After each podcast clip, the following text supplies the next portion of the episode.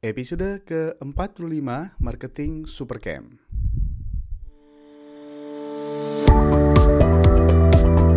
Assalamualaikum warahmatullahi wabarakatuh.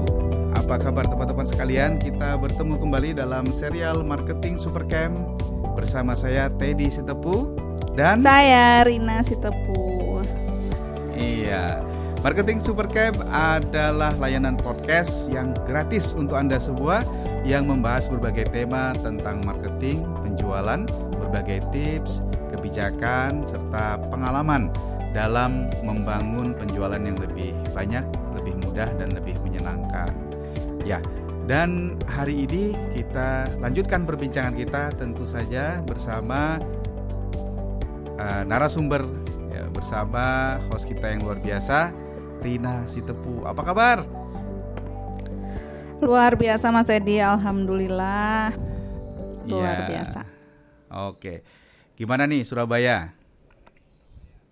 Surabaya ini eh, mendung-mendung nih dari kemarin eh, teduh gitu loh, enak lah. Eh, Nggak jauh beda sama ini sepertinya di Jakarta juga sedang mendung, bahkan geribis. Bahkan Iya. tadi malam itu ada beberapa gitu. tempat banjir loh. Oh gitu. Iya. Iya, tadi malam Surabaya juga hujan terus Gitu ya. sampai malam alhamdulillah pagi ini nggak hujan tapi ya suasananya eh, tetap mendung enak ya. sih. Heeh, Iya. nggak gerah Tapi ya. iya sebagai entrepreneur, sebagai sales, sebagai marketer kita nggak boleh ikut mendung ya. Betul, harus Ih, tetap membara ini iya. kita. Gimana nih akhir pekan eh, yang libur panjang ya? Kalau orang libur panjang. Heeh. Kalau Umi dan tim di sana bagaimana ini? Kalau kita kalau malah long weekend itu Mm-mm. eh, ya eh, lebih manfaatin, lebih maksimalin online, Mas. Karena di mana-mana Oh, gitu. kan rame Jadi- ya, lalu lintas, Iya, iya. mm, mau liburan keluar kota, misalnya juga Mau kan liburan, padet ya. ngabisin energi dan Iya. waktu banget ya. Mending maksimalkan online aja. Tetap tetap sih ngerjain bisnis, tetap family time Iya. di rumah juga jalan, jadi enak lah. Oke. Gitu. Iya, iya, iya. Oke, ya udah kita lanjutkan aja langsung ya ke pembahasan kita hari ini di marketing Supercap ini eh, kolaborasi saya Teddy Stepu dan Rina Stepu ya.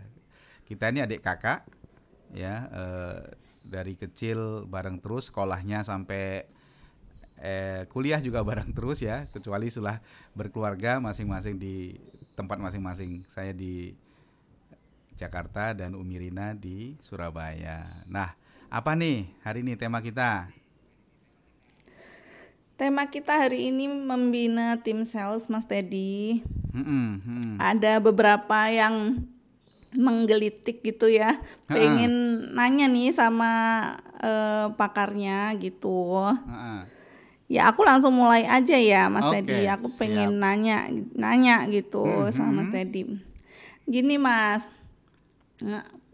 Ada beberapa case ya di Iya. bisnisku itu Mm-mm.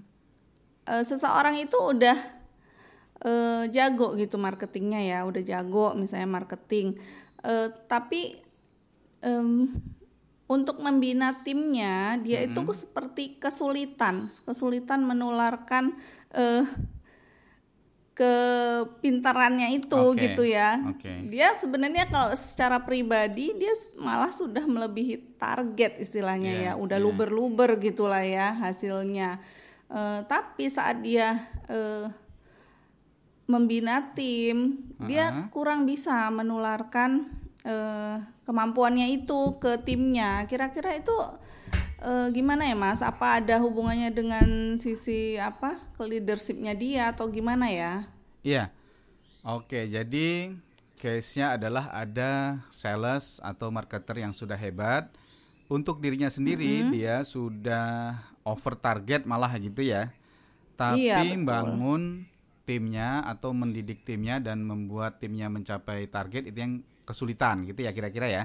Agak kesulitan heeh. dan itu dia menyadari juga gitu ya eh, heran kok saya bisa ya bu bisa melebihi target mudah bagi saya tapi saat saya mem- membina tim saya kok selalu nggak bisa Susah ya bu gitu seperti ya. saya nggak bisa seperti saya bisa pun tapi pas-pasan gitulah istilahnya nggak Iya. bisa yang eh, melebihi target kayak dia gitu. Oke. Nah, itu mungkin Mas Teddy mungkin ada tips-tipsnya juga. Ya, ya, ya.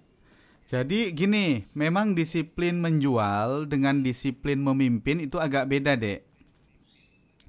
Uh, oh gitu ya. Orang mendisiplin menjual artinya uh, dalam hal menjual, dalam hal dia mencari customer, kemudian dia melakukan persuasi ke customer mm -hmm. sampai dia harus closing itu berbeda dengan ketika dia harus mengarahkan timnya untuk mencari customer, melakukan penawaran sampai closing. Nah, itu kan beda. Satu dilakukan mm -hmm. dengan dirinya sendiri dan satu dilakukan lewat mm -hmm. orang lain kan gitu ya. Nah, tak bahas satu-satu dulu. Ya, uh. Jadi ketika orang menjadi okay. sales person, sales profesional, baik itu di dunia bisnis ya di korporasi, dia bergabung dengan satu perusahaan jadi sales atau dia menjual mandiri, jadi entrepreneur atau menjadi network marketing seperti anggota timmu itu, dia kan sebagian besar memotivasi dirinya sendiri. Dia mengenal ya. dirinya sendiri, tahu persis apa kekurangannya, apa kelemahannya, terus dengan itu dia bergerak gitu ya. Jadi dia tahu titik-titik mana yang harus dia lakukan, yang harus dia motivasi, yang harus dia semangati dirinya, terus itu kemudian e, menjadi daya dorong untuk dia melakukan banyak hal. Itu dari sisi motivasi.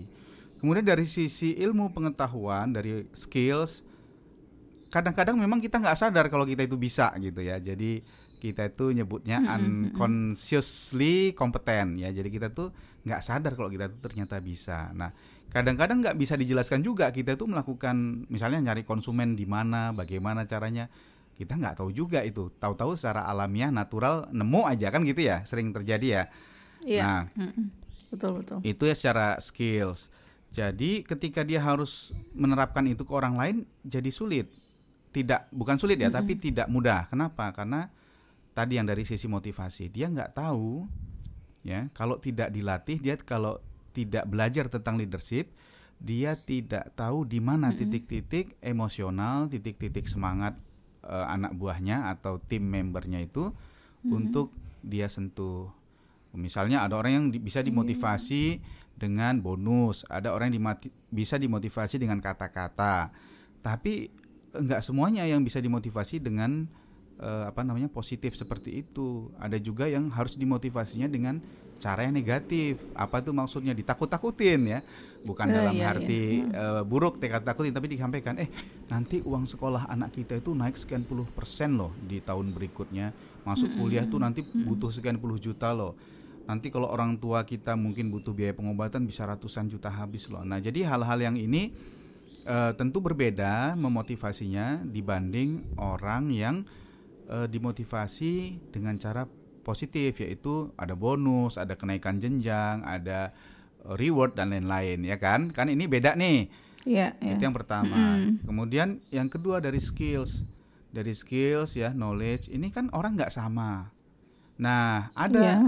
Suatu penyakit nih umum terjadi di orang yang sudah paham, orang yang ngerti. Ya kalau kita sebagai pemimpin, mm -hmm. sebagai guru, sebagai trainer, kadang-kadang kita menganggap orang lain tuh sama pengetahuannya dengan kita gitu loh. Jadi kita ngerasa kita aja kok nggak ngerti sih gitu loh.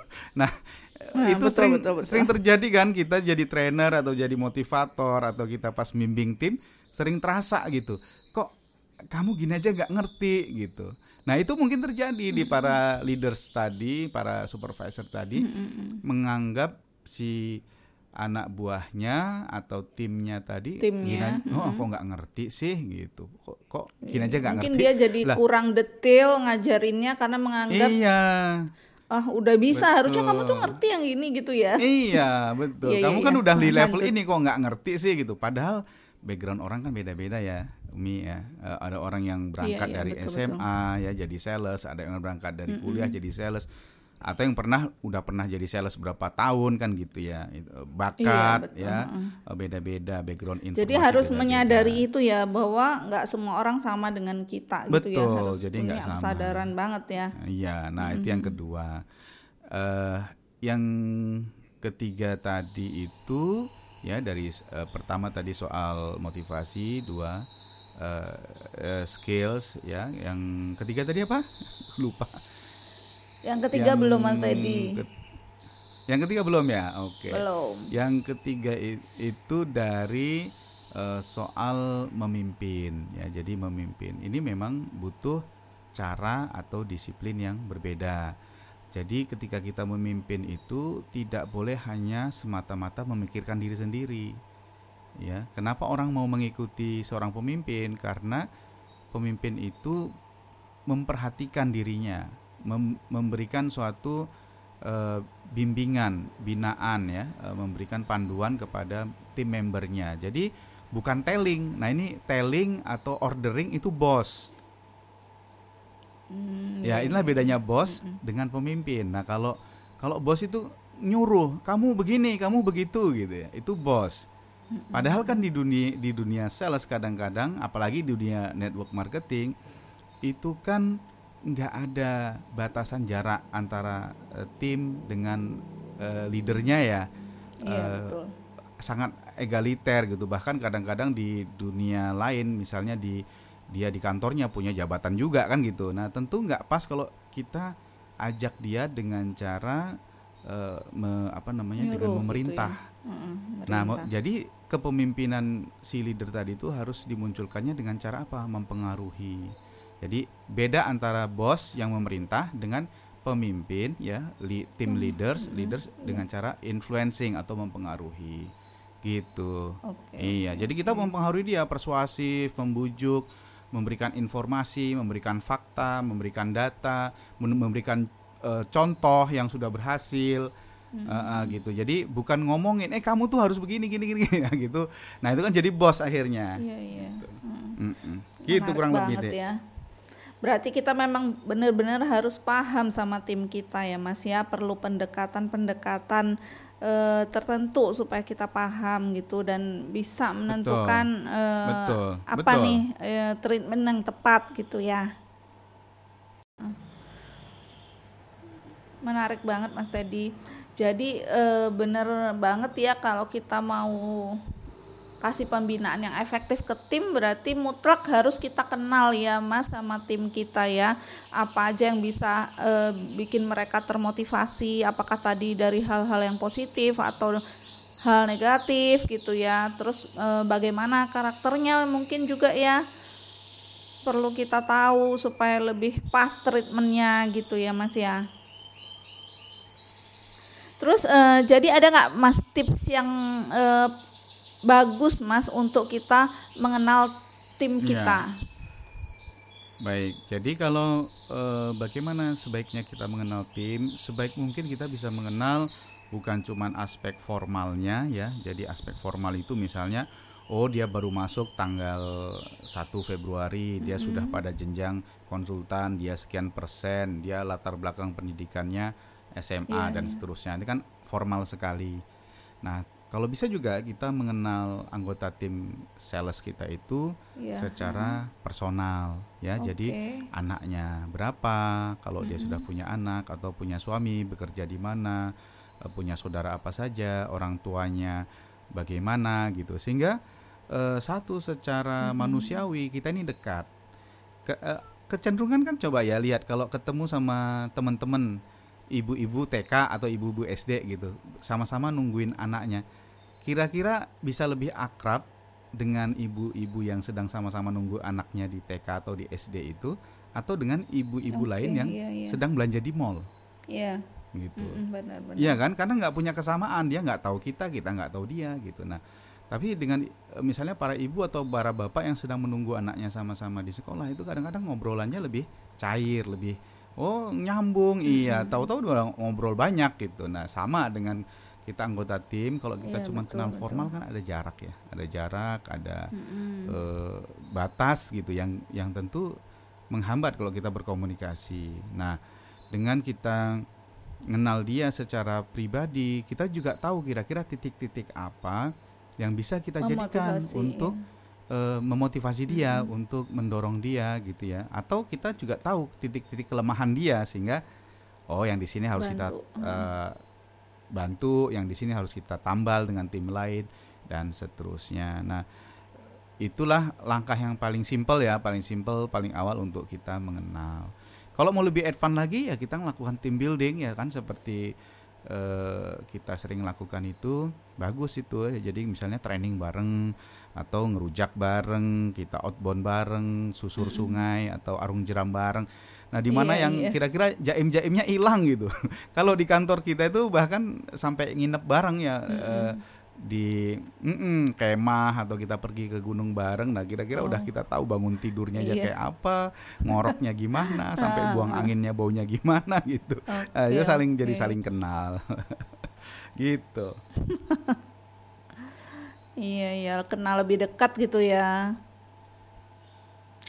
Ya berarti uh, mutlak banget memang ya kedekatan personal itu ya tim building itu perlu banget kita mau apa uh, bikin event-event bareng gitu ya sering interaksi sering ngobrol itu bisa makin membuat kita kenal tim kita. Jadi bisa uh, nanti kita kasih treatment pembinaannya dengan lebih tepat gitu ya Mas Teddy ya harus harus dilaksanakan ya. Dengan dengan berbagai variatif lah ya. Jangan terlalu monoton atau jangan terlalu sekali juga kita seperti meng, sedang menginvestigasi dia gitu kan.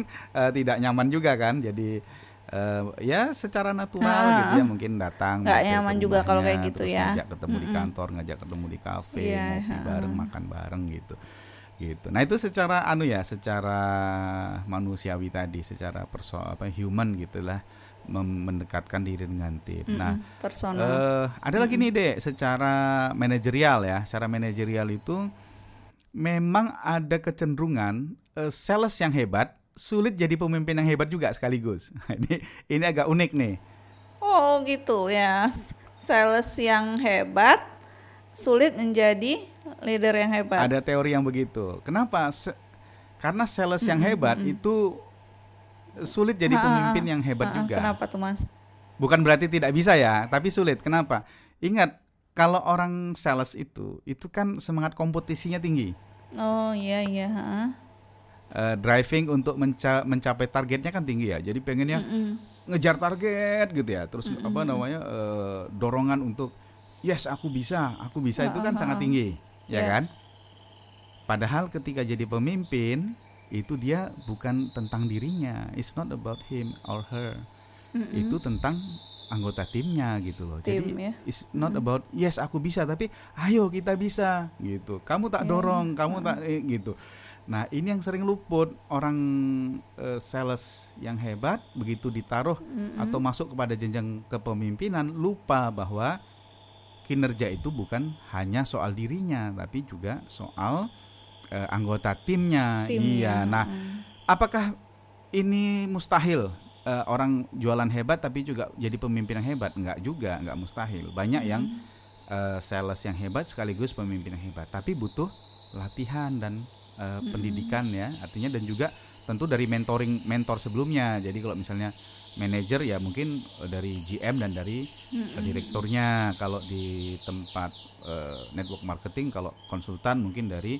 apanya uh, eh, GM hmm. ya atau yeah, uh, manager ya atau direkturnya. manager, direkturnya. Iya, jadi hmm. ditunjukkan gini loh, jadi pemimpin yang hebat itu uh, agak beda ja, ja, jadi dengan jadi uh, sales yang hebat gitu. Jadi kalau jadi pemimpin yang hebat yang baik itu kita harus banyak ngomongnya ya kita, ya, kita. ya Anda hmm. gitu, bukan saya, aku, aku, aku, aku gitu lihat loh aku ini bisa lihat loh aku nah itu yang kurang baik kalau jadi pemimpin gitu kalau okay. kita jadi apa namanya jadi leaders kan concern kita tim ya iya, kan iya. Nah, dalam pepatah bahasa Inggris there is no I in the team gitu loh mm -mm.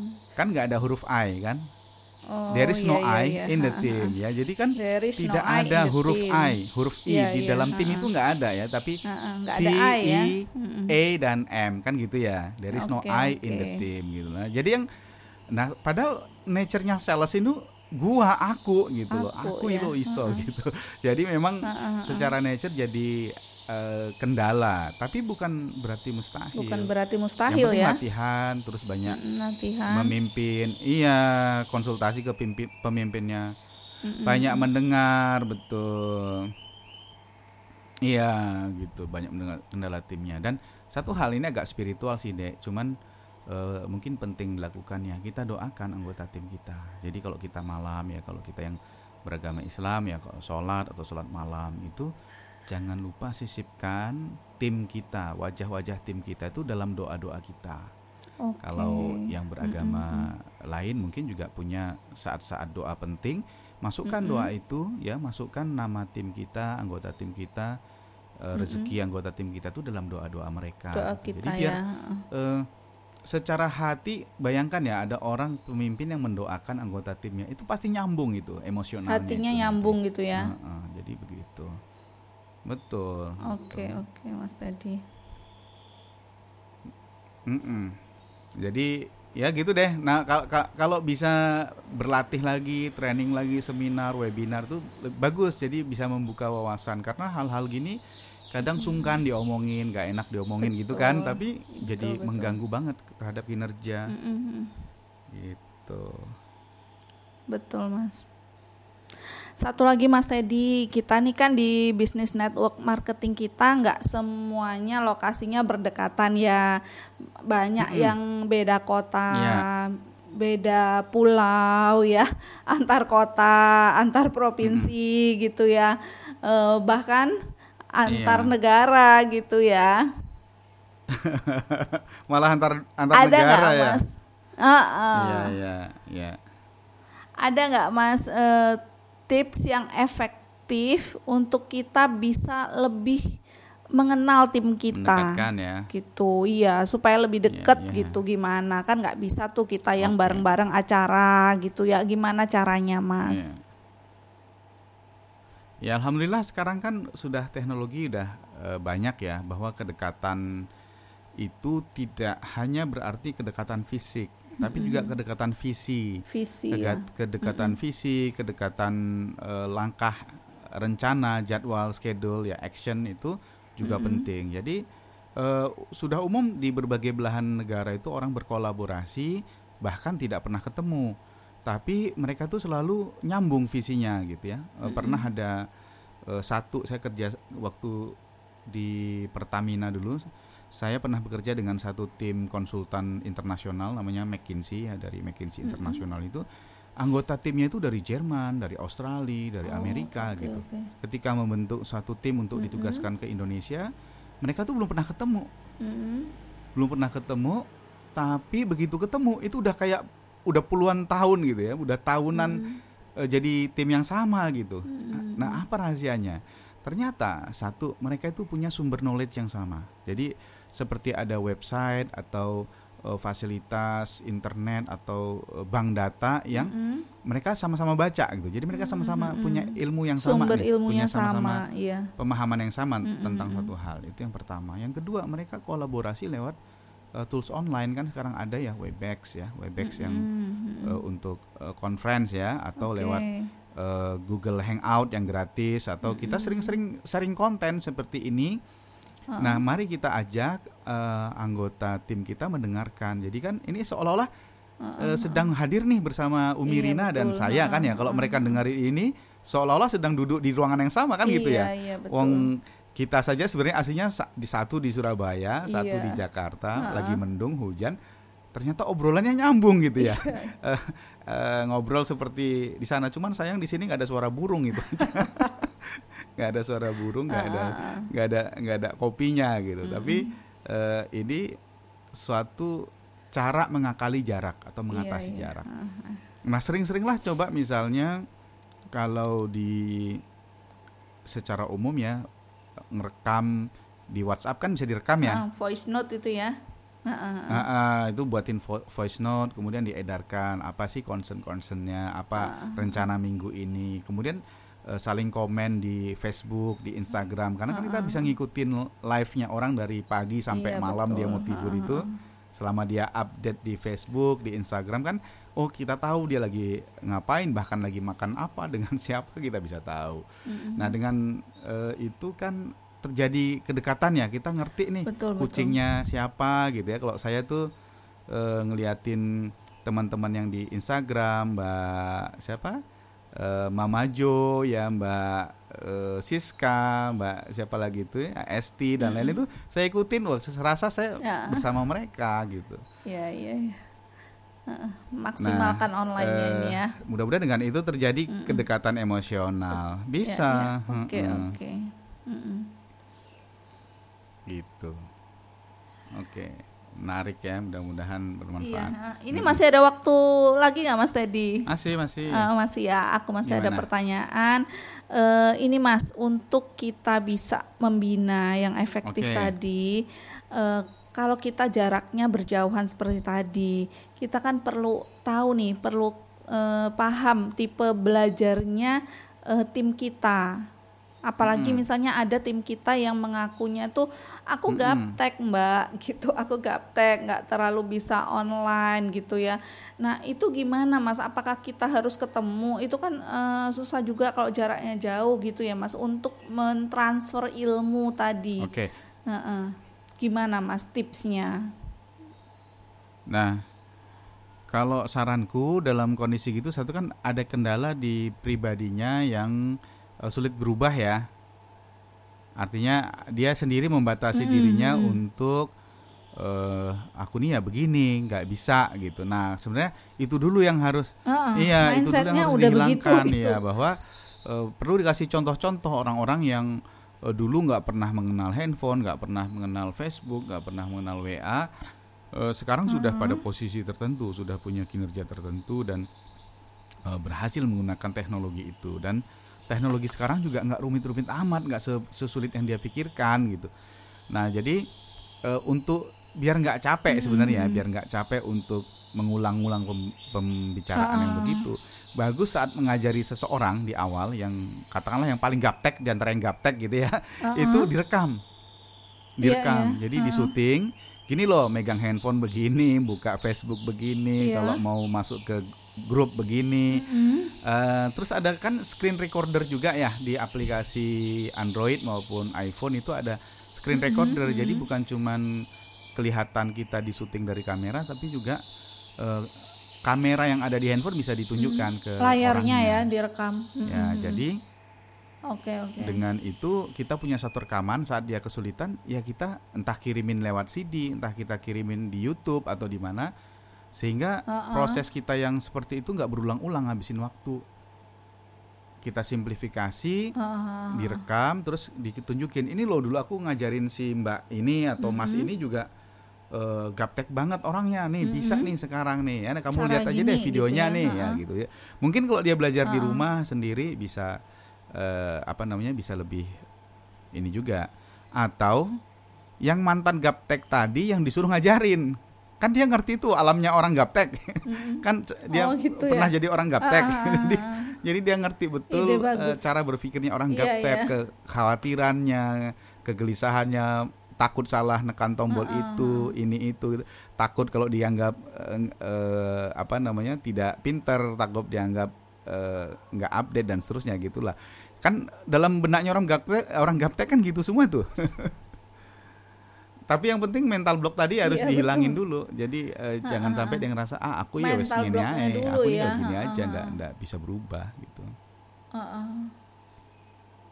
iya betul. Gitu. mental blocknya eh, harus by the way, dulu ya. Nah, mindsetnya ha, harus mindset aku mindsetnya bisa. dulu betul betul Ya, teman-teman sekalian, demikian tadi pembahasan kita tentang bagaimana cara membina tim kita untuk menjadi satu tim yang luar biasa mencapai target penjualan yang telah kita tetapkan. Bagaimana kita sebagai pemimpin harus meluangkan waktu, meluangkan pikiran, memberikan pikiran, hati, bahkan doa untuk membuat tim kita menjadi tim yang sesuai yang kita harapkan. Semoga pembahasan tadi bermanfaat dan teman-teman sekalian jangan lupa untuk mensubscribe atau memberikan komen, kritik, dan saran untuk peningkatan kualitas podcast ini. Akhirnya saya Teddy Stepu mengucapkan terima kasih dan Assalamualaikum warahmatullahi wabarakatuh.